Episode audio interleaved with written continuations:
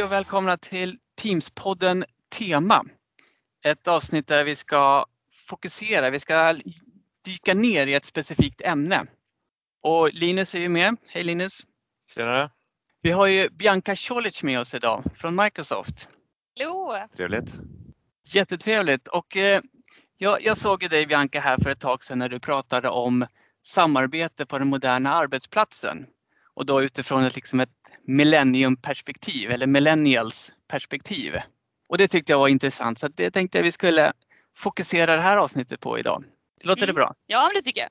Det är alltid kul att prata om det. Och välkommen till Teamspodden. Tackar! Jag hoppas att du har lyssnat på oss tidigare. Ja, det har jag. Ett Tack. fantastiskt initiativ tycker jag. Och vi ska ju säga det att du är ju produktmarknadsansvarig på Microsoft Sverige för Microsoft 365. Precis, så att jag eh, och min chef kan man säga delar på det ansvaret där jag fokuserar lite mer på just användning utav våra produkter och eh, ja, utrullning utav våra tjänster. Perfekt. Du pratade om att 80 procent av vår arbetstid idag är tid då vi faktiskt samarbetar i någon form. Och då tänker jag, ja men visst, Teams är jättebra. Jag jobbar med Teams varje dag. Kanske inte 80 arbetsdagen, utan vad, vad, skulle du definiera liksom själva samarbetet är under en arbetsdag? Eh, jag tror att när man eh, tänker lite mer på det så är samarbete nästan allt det vi gör och därav att siffran är så himla hög. Allt ifrån att skicka ett mail till någon är ju en typ av samarbete till att ringa ett samtal, sitta i möten, chatta. Eh, Jag ska säga att nästan ja, majoriteten av de uppgifterna vi gör, gör vi tillsammans med människor och det blir ju ett samarbete. Eh, 20% av arbetsveckan sitter vi då inte eller samarbetar vi inte. Och det kan man egentligen säga att det är ju när vi sitter framför ett eh, Word-dokument och skriver på en text eller sitter i PowerPoint och gör en presentation.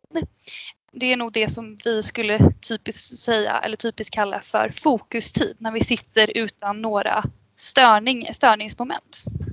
Och ute på arbetsplatsen så har vi nu då fyra generationer, hur kan man prata om. Eh, varav då, ja, från de äldsta till de yngsta. Ska, ska vi gå igenom vilka, vilka vi har så vi vet vilka det är vi pratar om? Dels har vi de här, eh, vad ska vi kalla dem? Inte gamlingar utan vi kallar dem för pionjärerna. De, eh, de tidiga IT-användarna. De som la grunden för det vi gör idag. Ja men eller hur? Eller har de bara fått hänga med? Baby boomers, tidig IT, ute till eh, ja, tidigt IT. Fick kanske lära känna IT när det var väldigt nytt fortfarande. Sen har vi också det som kallas för generation X. Och det är liksom ungefär mellan, född mellan 1960 och 1980. Eh, där jag själv och Linus också, det är där vi befinner oss.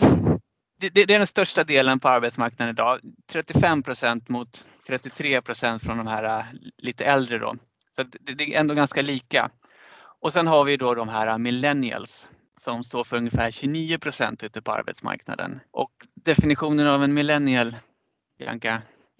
Digital infödning. digital inföding. Man är alltså född in i den digitala världen. Är det också den generationen man kallar generation Y eller Y? Precis, så eh, ni eh, tillhör vi då generation X då.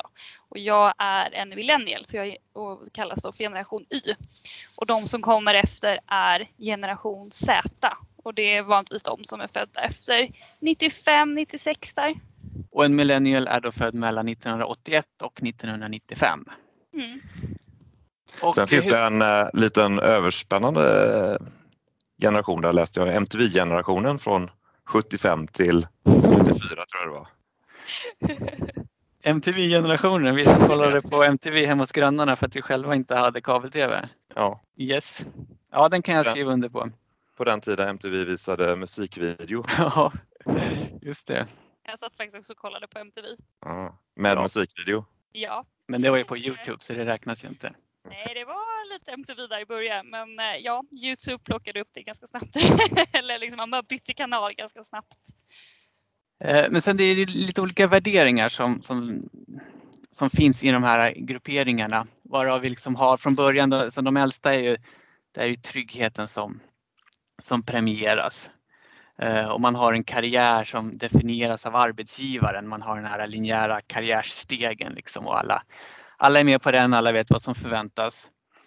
Sen om man går över på generation X då, liksom ja, oftast fa familjer med, med barn och sådär. De fokuserar mera, eller de värdesätter mera en work-life balance, alltså balans mellan arbetsliv och, och, fritid. Och sen om vi, börjar, om vi går in på millennials så har de mera att de premierar liksom frihet och flexibilitet. Hur skulle du beskriva den där friheten och flexibiliteten, Bianca? Jag tror att det väldigt mycket har blivit eh, just det där att arbetet är, inte är en plats eh, utan någonting du gör och det, eh, hela synsättet att du kan jobba vart ifrån du vill. Tidigare sågs det ganska mycket som en förmån. Eh, men jag tror att idag har det nästan blivit, och jag frågar mina, eh, de i min generation, så är det ju nästan ett krav. Man vill inte, man vill inte behöva åka till arbetsplatsen varje dag. Beh vill inte behöva sitta där från 8 till 5 utan man vill kunna jobba när det passar en själv. Eh, ha lite mer flexi flexibelt schema. Eh, och just det där kunna jobba med frihet under ansvar. Att du inte har en chef som sitter och liksom kollar dig över axeln hela tiden utan där du förväntas göra någonting och att du själv då visar att du ändå kan leverera. Eh, jag tror att det, många är uppvuxna med det och det är ju lite det de faktiskt vill ha utav en arbetsgivare också. Ja, det där är väldigt intressant när du säger att arbetstagaren vill ha någonting av sin arbetsgivare. Det tänket har ju inte funnits tidigare. Utan då har man ju liksom stått med mössan i hand och tagit emot det som arbetsgivaren har erbjudit i form av eh, lön och karriärsmöjligheter och, och sånt där. Men nu känns det som att det har liksom inte helt och hållet vänt på sig men det har blivit mera likriktat. Mm. Och det tror jag har mycket med att göra att vi ser eh, en ganska stor trend att vara liksom egenföretagare, mycket startups, eh, att folk ändå inspireras av de här du vet, folk som kallar sig för influencers och ändå kan tjäna pengar och sitt levebröd på det. Att man inte behöver tillhöra någon, att man faktiskt kan, man har, man har ett fritt val vad man vill syssla med och vad man, eh, vad man står för. Det tror jag faktiskt är väldigt viktigt och det är väl även det som gör att man faktiskt då ställer krav på sin arbetsgivare. För att man vet att man kan gå tillbaka och jobba mer som en egen företagare och ta sina egna projekt om man vill. Du nämnde det här med gig-ekonomin också. Eh, ja, och jag vet inte, det är mycket större i USA än vad det är i Sverige, men det börjar komma mer och mer. Och där pratar man om att man inte, att man jobb, tar olika gig. Det vill säga inte jättelångsiktiga projekt. Så om du hoppar på och kanske gör, tillverkar eller eh, ritar en, designar en logga för ett företag och sen så tar det någon månad så hoppar man tillbaka eller du gör vissa små korta projekt och du är ständigt din egen, eh, din egen liksom, företagare och så hoppar du in och jobbar lite kortsikt, kort med andra företag. Det har ju blivit väldigt populärt. Man bestämmer själv vad man vill jobba med och när mm. och hur mycket. Mm, precis också lite så här gamla världen kontra nya världen. Liksom. Lön, ja men såklart man måste ju ha en lön för att, att, att kunna leva. Eh, men i, om vi kallar det så gamla världen kontra nya världen. Då har man i gamla världen har man ett större fokus på lön. Liksom, ju mera lön du har desto mera framgångsrik är du, desto duktigare är du. Medan i den nya världen med de yngre generationerna då är inte lönen lika viktig och det är inte den man tar som ett kvitto på att man är duktig. Utan det är snarare vad, vad kan jag få ut av det här? Vad kan jag, hur kan jag utvecklas? Vad, vad kan jag få i form av det här? Och detsamma gäller ju som, som du var inne på på föredraget jag lyssnade på att i den gamla världen ser man sin, sin chef som en chef. Det är den som bestämmer vad man ska göra. Medan i den nya världen då är det mer att man ser sin chef som en coach. Du var inne på det lite grann i början också men det är en ganska tydlig skillnad på hur man ser på det. Ja men absolut och jag, jag kan ta min, min relation till min chef eh, som ett exempel. Där eh, i, kanske förr så hade man mycket att man träffades ganska sporadiskt. Det var, man träffades i samband med löneförhandlingar eh, eller om man, kanske om man har ett årligt utvecklingssamtal eller vad man ska kalla det. Men jag tror att eh, man, i och med det här nya arbetslivet så ställer det även högre press på just eh, ledarskapet. Där man förväntar sig att chefen faktiskt blir som en mentor eh, som hjälper en att koordinera och hitta rätt i organisationen. Eh, hjälper en att uppmuntra den kanske att ta nästa karriärsteg. Som även tar upp inte bara hur det går på jobbet men hur går det liksom med kollegor och det rent sociala. Och helt enkelt gör det kontinu kontinuerligt det som kanske ganska ofta förknippas med just millennials och den yngre generationen är just eh, eh, tillgången till sociala media och Instagram där man ständigt får den här feedbacken i form av likes eller kommentarer eller eh, man skickar bilder. Det blir mycket, allt blir mycket mer dynamiskt och därför tror jag att man också efterfrågar den typen av feedback från sin chef. Det räcker inte att bara prata med chefen en gång per år utan man vill man vill helt enkelt ha mer vägledning och utveckling. Eh, återigen tillbaka det här att man faktiskt vill ha någonting utav arbets, eh, arbetsplatsen eller arbetsgivaren. Eh, Skulle du säga att det är lite mera belöningsbetonat? Att man vill ha den där feedbacken i form av likes eller man vill ha det där från chefen att ja men det där gjorde du bra. Jag tror att det är lite både och. Det är nog eh, dels det att man är så van vid att få kanske eh, uppmärksamhet och berömmelse just för folk jagar likes och så. Men det har också väldigt mycket med att göra att man ständigt vill utvecklas. Det är en generation som aldrig riktigt nöjer sig.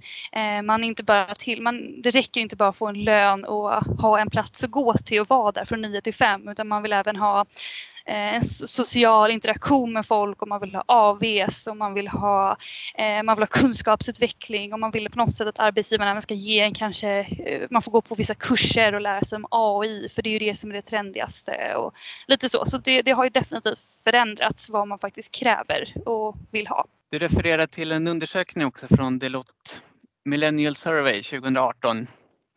En återkommande undersökning där var det, om jag förstod det rätt, så var det ganska viktigt med etiken hos det företaget man jobbar på.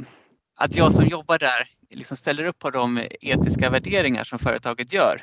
Eh, förebilder eller ståndpunkter som företaget har. Och det har blivit mera viktigt förstår jag bland millennials. Ja, och jag tror att det har väldigt mycket att göra med att, att man, i och med att man inte längre bara söker sig till en hög lön utan faktiskt vill jobba på ett ställe där man, där man känner att företaget har en bra mission och vision, eh, vill hjälpa och förbättra samhället på olika sätt. Eh, så tror jag att eh, man känner att man vill ju faktiskt jobba på ett företag som gör det. Eh, och eh, studien visar ju på att den yngre generationen känner att de har tilltro till att företagsledarna kan påverka vårt samhälle till det bättre.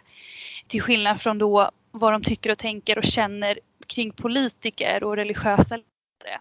Däremot så säger fyra utav tio i den eh, studien att de känner att eller företagsledarna inte gör sin Eh, gör sin plikt och inte, gör, eller, och inte, faktiskt inte jobbar aktivt för att förbättra samhället på det sättet. De har eh, möjligheten att, att göra det men de gör det inte. Precis. Eh, så att å ena sidan så är det väl då positivt att man har känner stark tilltro till företagen och det de kan åstadkomma för ett bättre samhälle. Men man känner inte att de riktigt gör det till 100 procent.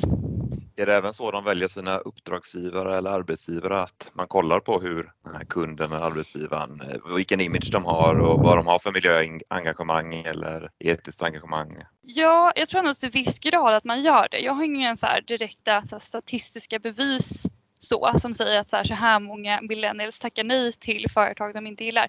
Men det är klart att det blir ju viktigare och viktigare för alla företag att bygga ett eh, bra rykte kring sig.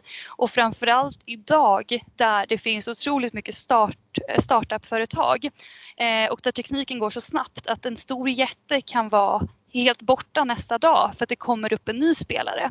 Eh, och där är det ännu viktigare då för företagen att ständigt tänka på sitt rykte, ständigt liksom ligga i framkant eh, för att kunna få ett, Eh, anställa nya människor. Eh, och då blir det ju också ännu viktigare för dem att ha ett syfte eh, för att det är det som folk efterfrågar och liksom vill hjälpa till. Och jag menar, man märker ju till exempel om man tar Greta Thunberg eller tar andra aktivister som är väldigt unga den yngre generationen engagerar sig mer politiskt och då känns det som att då vill man ju faktiskt jobba på ett företag som också gör det den andra punkten som de tog upp i den här eh, Deloitte-studien var just att eh, även om lön och positiv arbetskultur är det som främst attraherar yngre generationer så är det just flexibiliteten och mångfalden som får dem att stanna. Det är faktiskt det som bygger lojalitet.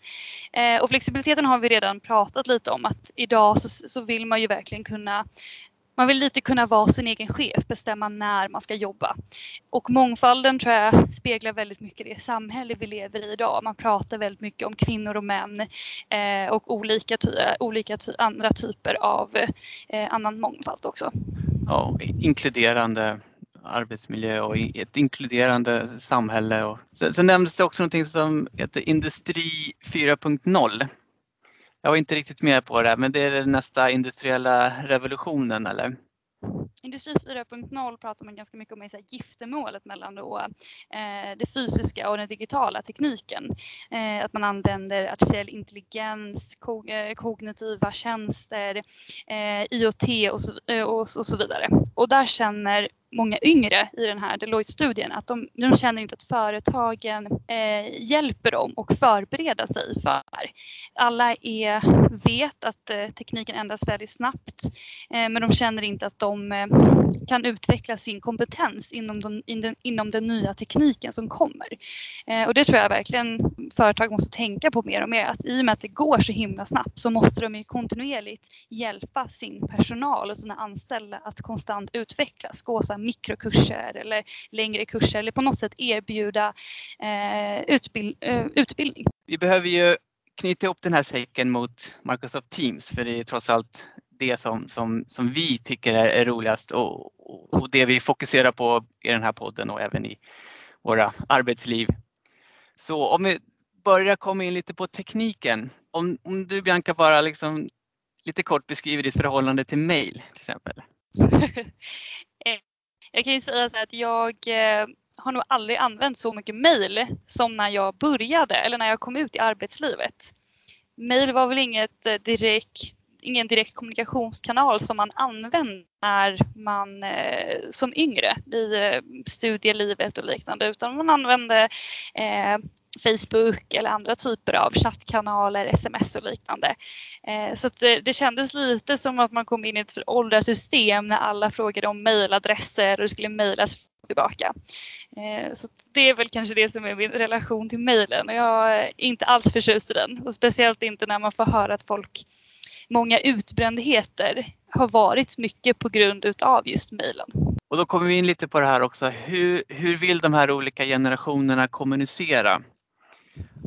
Eh, jag tror att du sa de här äldsta då, baby boomers som de kallas, då, de vill gärna ha det här personliga mötet. Det, det, är så de vill kommunicera. Det är någon, någon som sitter och bestämmer och, och liksom alla är, ense och nu har chefen bestämt så nu gör vi så här. Eh, sen kommer vi då, generation X. Vi, vi gillar ju mail. Jag ska inte säga uppväxta med mail, men liksom arbetsmässigt så är vi upp, uppväxta med mail. Men gillar ni verkligen mail? Nej. Men vi, men vi är uppväxta med det. Ja. Det fanns ju när man eh, började med internet och så. Så eh, det har ju funnits kvar och nu ser man det mer som ett nödvändigt ont. Ja, lite så. Jag kan se när, när mail fyller en funktion för att till exempel skicka ett, ett chattmeddelande i Teams. Det är att man liksom vill skicka en sak och så vill man typ stänga den. Så skickar man värdet som en isolerad händelse så. Då vet man att då ligger den där som en eget item i sin inbox och sen så kan man plocka upp den så ungefär som ett papper i ett arkiv. Liksom. Medan chatten i Teams är mer att det är löpande saker hela tiden. Det är svårt att plocka ut något specifikt. Men eh, ni då, millennials, om jag får liksom prata till dig på, på det sättet. Så ni gillar ju liksom sociala medier och liksom apparna. Det är där ni är uppväxta i, i kommunikationen. Ja, jag tror att det är det är ju mycket text och sociala medier. Det ska vara snabba chattutbyten och eh, ständigt dynamiskt och levande. Och jag tror att eh, om vi knyter tillbaka till Teams så är det kanske just det som jag gillar mest med Teams. Att när man skickar ett mail till någon så blir det ganska formellt. Eh, och det blir som en nästan en eh, eh lite jobbig arbetsuppgift att ta sig an. Medan i Teams känner jag att eh, chattarna är lite mer levande, de är lite mer lekfulla. Så det känns som att man jobbar utan det känns snarare som att man bara kommunicerar och det är det som jag gillar väldigt mycket med Teams. Det är egentligen bara att gå fram till valfri användare och kolla hur många olästa mejl de har i inboxen och jämföra det med deras Teams-klient. Ja, hur många olästa alltid, chattar man har. Ja, det ligger ju nästan alltid över 100-500 olästa mejl i en användares mailbox. Ja, det, det tror jag absolut. Mm. Tror att jag ligger på typ 3000. Säger ganska mycket om mitt mejl. Eller icke-mejlande. Och själva telefonandet då? Att man, liksom, man, man ringer någon. Där har det ju hänt lite under generationerna. Det kan jag bara se på mig själv att jag ringde väldigt mycket liksom i början av min yrkeskarriär. Det var det, var det man gjorde liksom. Man hade fått sin mobiltelefon och, och man, man, ringde liksom folk när man ville få tag på dem. Men det gör man inte på samma sätt längre och jag tror att det ännu mer så tydligt för dig Bianca. Jo men så är det absolut. Jag menar, jag fick ju min första mobil när jag var 10-11 Eh, och då var det ju, det var ju ganska coolt med sms och det var ju ganska kul att skicka smileysar till folk och sådär. Så det var ju sällan man, eh, det var ju sällan man ringde. Eh, så jag tror att man lite har eh, kanske förlorat den vanan. Eh, vilket gör att för mig blir det ganska främmande upp telefonen och ringa. Eh, den används ju mest för appar eh, och eh, det är nästan det är lite på gränsen till till och med tycka att det är lite läskigt att ta upp telefonen och faktiskt ringa ett samtal. Det är mycket lättare att gå in på en hemsida och chatta med en chattbot om man har problem. Faktiskt ta upp mobilen och eh, ringa till någon på supporten. Jag vet att det inte bara är jag. Det är fler i min generation som tycker att det är lite läskigt att faktiskt ta upp den här telefonen. Ja, framförallt vet man inte om någon liksom svarar i andra änden. Då har man liksom tagit sig tid och letat upp ett telefonnummer och slagit in och sen så Ja, det var ingen som svarade. Hade den ett voicemail? Nej, det kanske den inte ens hade. Ja. Det är bra att ja. det finns olika kanaler att kommunicera med och sen är det jättebra också att man som användare själv får välja liksom vad, vad man föredrar. Men det är väl om man knyter tillbaka till Teams återigen, att det, det är väl det som är ganska skönt med just Teams, att du har förmågan att, eh, eller möjligheten att faktiskt välja om du vill ringa eller chatta.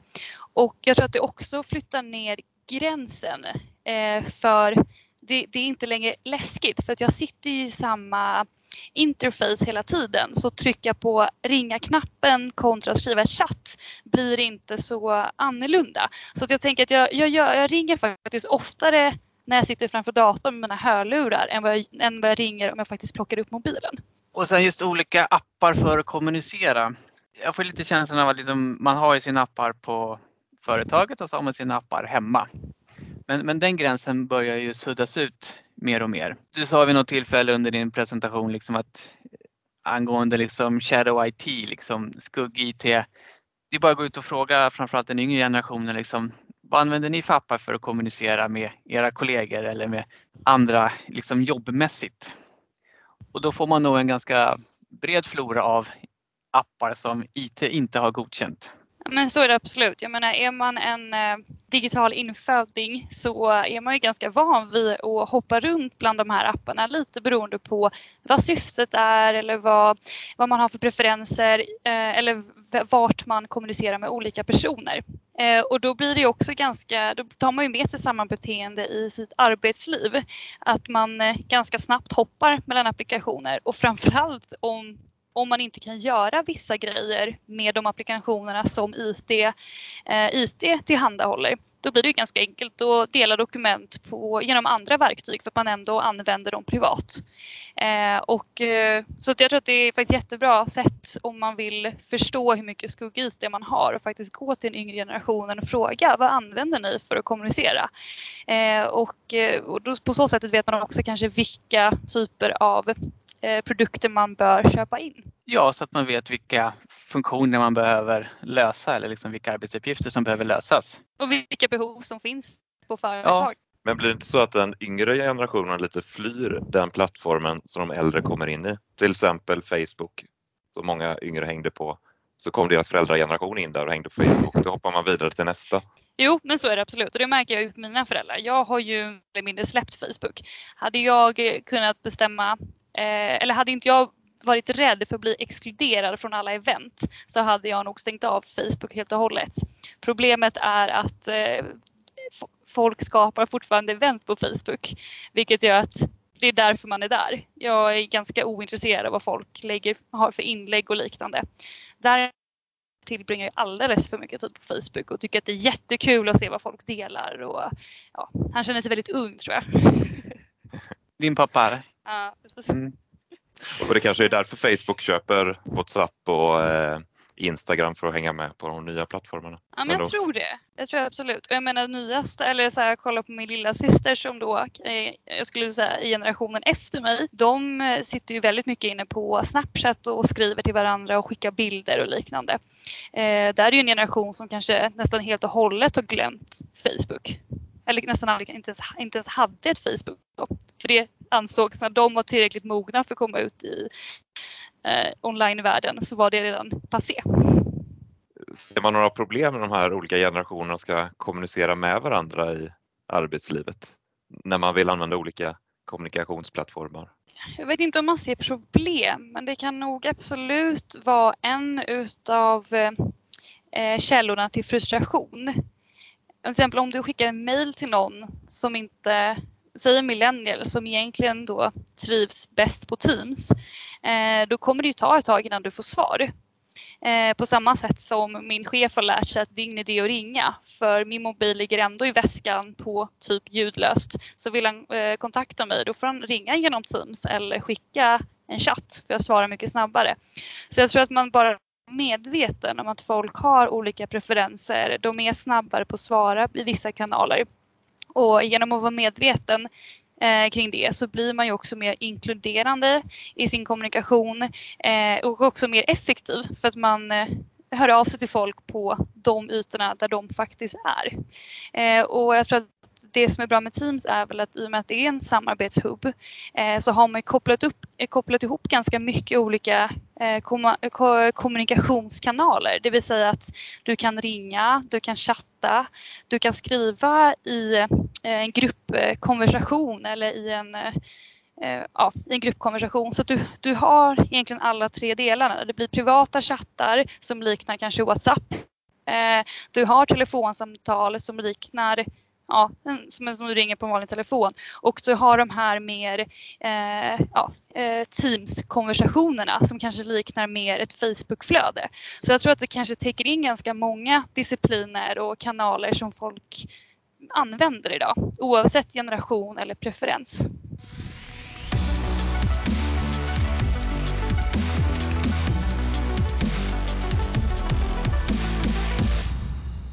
Du lyssnar på Teamspodden Tema där vi fokuserar på ett speciellt ämne och idag har vi bjudit in Bianca Cholic och diskuterar generationer och millennials.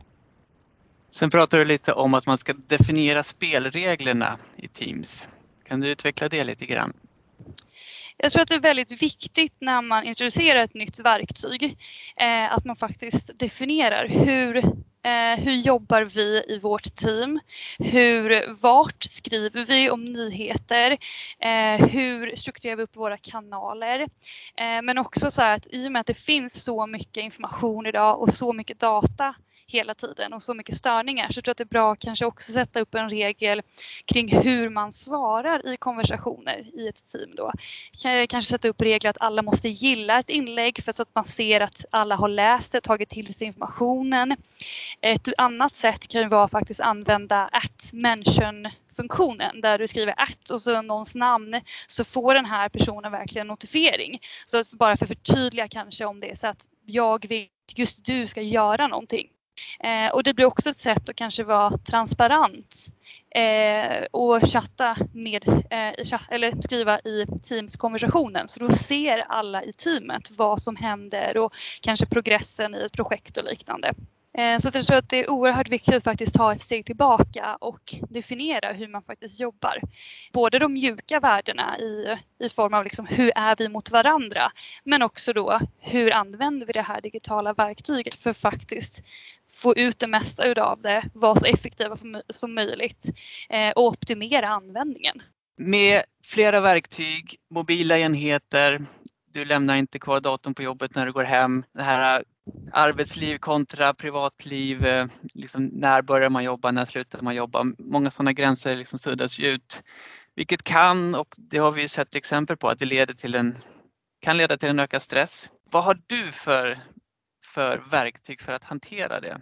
Eh, jag tror inte att det är några specifika verktyg så jag använder utan det är snarare inställningar och funktioner som jag jobbar med de verktygen. Eh, där jag medvetet ta bort notifieringar efter ett visst klockslag när jag känner att nu kommer jag inte, eh, nu kommer inte jag jobba något mer och jag vill inte bli störd. Eh, sen så jobbar jag också med, jag har två mobiltelefoner. En är min privata och en är min jobbtelefon. Eh, och jag tror att också det, det, det, är också det att ha två mobiltelefoner är ganska jag ska säga, typiskt millennials i och med att man eh, eh, har haft en mobiltelefon innan man började jobba så har man en ganska, man har en emotionell eh, koppling till sitt mobilnummer och liksom den här privata sfären som du har.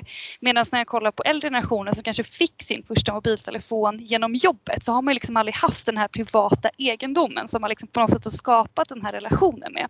Så just det där två smartphones tycker jag ändå är ganska bra för då kan man ganska enkelt separera mellan privatliv och jobbliv. Eh, till exempel på helger när jag känner att nu stänger jag av, jag behöver en eh, digital paus. Då tar jag inte med mig jobbtelefonen utan bara min privata. Och, och den tar jag... du inte paus ifrån? Eh, nej, alltså där blir det med att jag måste ju ändå ha ett kontaktmedel med resten av världen. Eh, det är klart, det går jag på någon så här digit så tar jag inte med mig någon. Eh, men eh, ibland behöver man bara stänga av från jobbet. Och det här är ju individuellt så det är ju ingen mirakellösning som funkar för alla. Linus, hur hanterar du eh, kombinationen där mellan arbetsliv och privatliv i form av att vara nådd och att vara uppdaterad och, och de delarna? Jag blir ju nådd hela tiden egentligen. Jag har, tillhör den generationen som har fått mobiltelefon via jobbet Ja. I, och sig, I och för sig inte den första mobiltelefonen fick jag inte via jobbet men eh, jag gick tidigt över att bara använda mobil, jobbets mobiltelefon. Så eh, jag kan ju bli nådd dygnet runt av jobbet men eh, Funkar det för dig? Det, inte. det fungerar väldigt bra. Och speciellt, även för familjen och så? Ja, och speciellt efter man har fått barn så är det just den här flexibiliteten att man kan börja jobba lite senare, man jobbar lite hemma, åker lämna på förskolan åker till, ut till någon kund, jobbar där, går hem lite tidigare, hämtar på förskolan och sen kan jobba lite på kvällen. Den flexibiliteten eh, är riktigt bra. Och jag kan säga just utifrån säga, mobilen och jobben, notifieringar och sånt där så önskar jag att jag var bättre på att stänga av notifieringarna, notifieringarna mer. Eh, för den plingar till lite, lite nu, lite för ofta kan man tycka. Men då har jag själv satt upp en regel att om jag inte kan agera direkt på någonting jag eventuellt har fått en notifiering på, då ska jag inte titta vad det är jag har fått. Utan då får det vänta tills jag faktiskt har tid.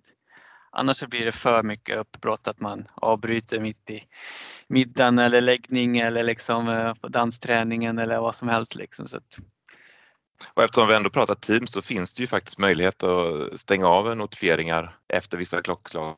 Så det kan vara bra att kolla in på om man känner den stressen eller om man inte vill få notifieringar kvällar, helger. Ja precis, vad kallas det? Fokustid eller är det Windows 10 som det heter fokusstöd och så heter det någonting ja. annat i Teams? I Windows Tysta timmar. Ja, i Windows 10 heter det fokus. Precis. Men Teams följer ju det på datorn och sen har mm. du en speciell inställning i mobilappen. Också man, man får hitta sitt sätt som funkar själv för att gör man ingenting då skulle jag nästan påstå att då kommer det bli dåligt mot slutet för det går inte att hela tiden alltid hålla sig uppdaterad på alla som söker en på, på olika sätt. Utan hitta en strategi själva. Och det är också ett ansvar för, från arbetsgivaren att den som jobbar på företaget måste ju trivas. Det måste ju funka med arbetsliv kontra privatliv. Och man kan inte förvänta sig som arbetsgivare att arbetstagaren alltid ska agera på allting som skickas till den dygnets alla timmar. Bianca, du nämnde det här med eh, att millennials drivs av kanske mer likes än vilken lön de får ut. Kan det vara någonting som bidrar till stressen? Att man sitter och väntar på att få likes hela tiden på sociala medier, plattformar? Eh, jo, men det tror jag. Det har väl eh, liksom studier gång på gång bevisat att eh, vi mår ju inte bra utav att eh, ständigt vara uppkopplade och ständigt vara eh, eh ständigt vilja ha det här eh, like-beteendet. Eh, och speciellt inte när det driver fram nästan en, eh, en dålig, ett dåligt beteende det, det är klart att man, eh, man påverkas ju när man konstant sitter och eh, uppdaterar mejlen för att se om det händer grejer eller liksom sitter och väntar, väntar på att bara få en, eh, någon chatt som ploppar upp. Eh, för man blir, efter ett tag så blir man ju van vid den typen av beteende. Jag har hört att det är då kanske ännu viktigare att jobba med just fokustid och stänga av, eh, sätta på stör i som status, eh, sätta på fokustid på Windows 10 då, eh, funktionen eller liksom verkligen begränsa sig eh, för att inte få de här ständiga kanske störmomenten. För att man, det blir ju lite som en gamification nästa, att man, så här, man vill bara eh, läsa klart alla mejl eller man vill bara svara på just det där för det, det, ser så spännande ut och att det ständigt händer grejer. Eh, just för att vi är så vana vid det från eh, beteendet i sociala medier. Jag läste om att det börjar bli populärt med digital detox. Något som kommer från Kalifornien, att man åker på semester där man inte kan vara uppkopplad och man lämnar all alla digitala hjälpmedel hemma. Till exempel eh, vandringar eller man åker ut i vildmarken i Australien eller Meditation eh, är också ja. Meditationsretreats utan mobiler och telefon eller datorer och liknande. Är det någonting för millennials eller är det mera oss, eh, generation X? Alltså jag tror att det är för alla. Det är, eh, även om vi kanske är digitala infödingar vana vid tekniken så blir det ibland nästan lite absurt när man sitter på en middag och folk eh, tillbringar mer tid framför mobilerna än att faktiskt prata.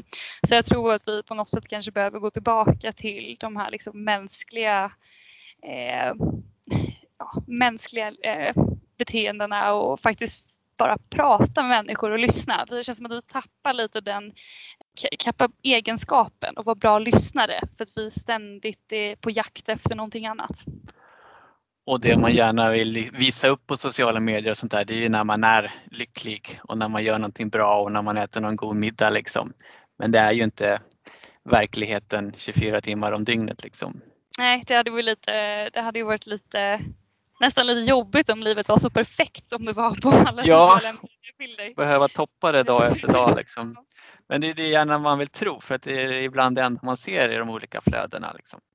Jag har, jag har en kollega som tipsade om att man aldrig ska ta upp mobiltelefonen ur fickan eller var man har den utan att ha ett syfte med att ta upp den. Så att ska du ta upp telefonen ska du veta innan du tar upp den vad du ska använda den till. Så man inte tar upp den bara för att kolla läget lite då och då. Mm. Den är ganska bra, för det tror jag att folk gör lite för ofta. Att man tar upp, eh, tar upp mobilen bara för att man har vanan innan att ta upp den. För att det händer så mycket hela tiden så man vill liksom inte missa någonting. Det blir den här liksom FOMO, fear of mm. missing out, så man kollar ständigt mobilen för att se om det är någon som kanske hör av, hört av sig. Eller du kanske har fått någon en ny like eller någonting. Och jag tror att det är lite samma beteende kanske med mejlen. Att folk eh, kollar den lite för ofta bara för att de är så vana vid att få väldigt mycket mejl.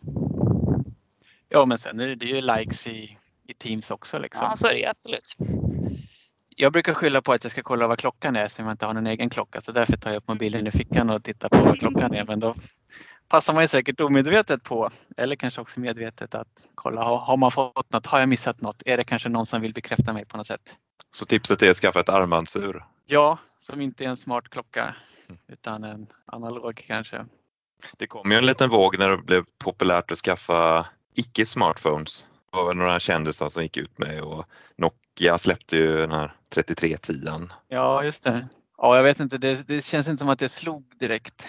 Det var lite mediabrus där ett tag men ja. inget jag har märkt har slagit igenom. Några testade men insåg att man fick inte den här like-boosten. Och... Ja, framförallt så har man ju väldigt många applikationer som på något sätt hjälper en att få livet att fungera.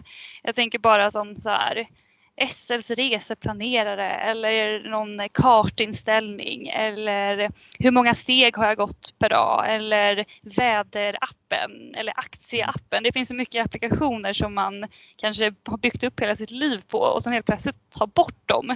Hur kollar man då vädret? Eller hur kollar man då när nästa tåg går? Ja. Sådana så triviala grejer som man är så van att allt finns i mobilen. Ja, man får vänta till 19.30 när rapport börjar och så får man vänta till slutet när väderleksrapporten kommer. Det har varit eh, en väldigt intressant diskussion här. Eh, många olika infallsvinklar och eh, en del aha-upplevelser från mig i alla fall som tillhör generation X?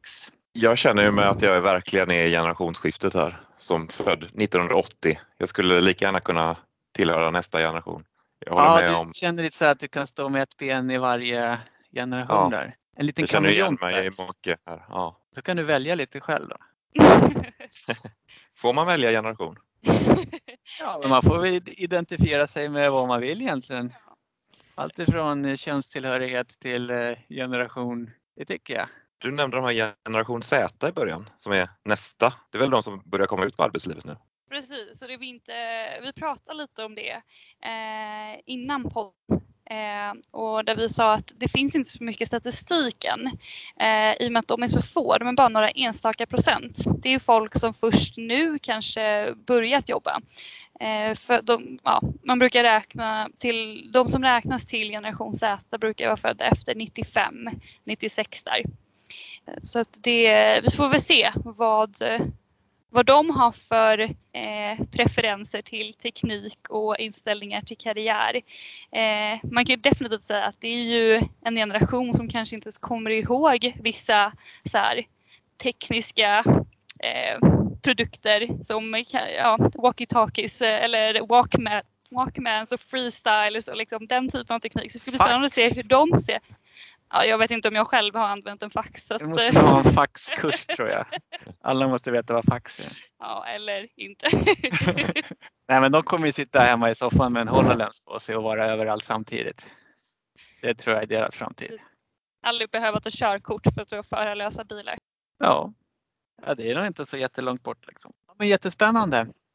Tack Bianca. Det har varit jätteintressant diskussion här och pratar om olika generationer ute på arbetsplatsen nu och hur lite grann det ser ut framåt och sådär.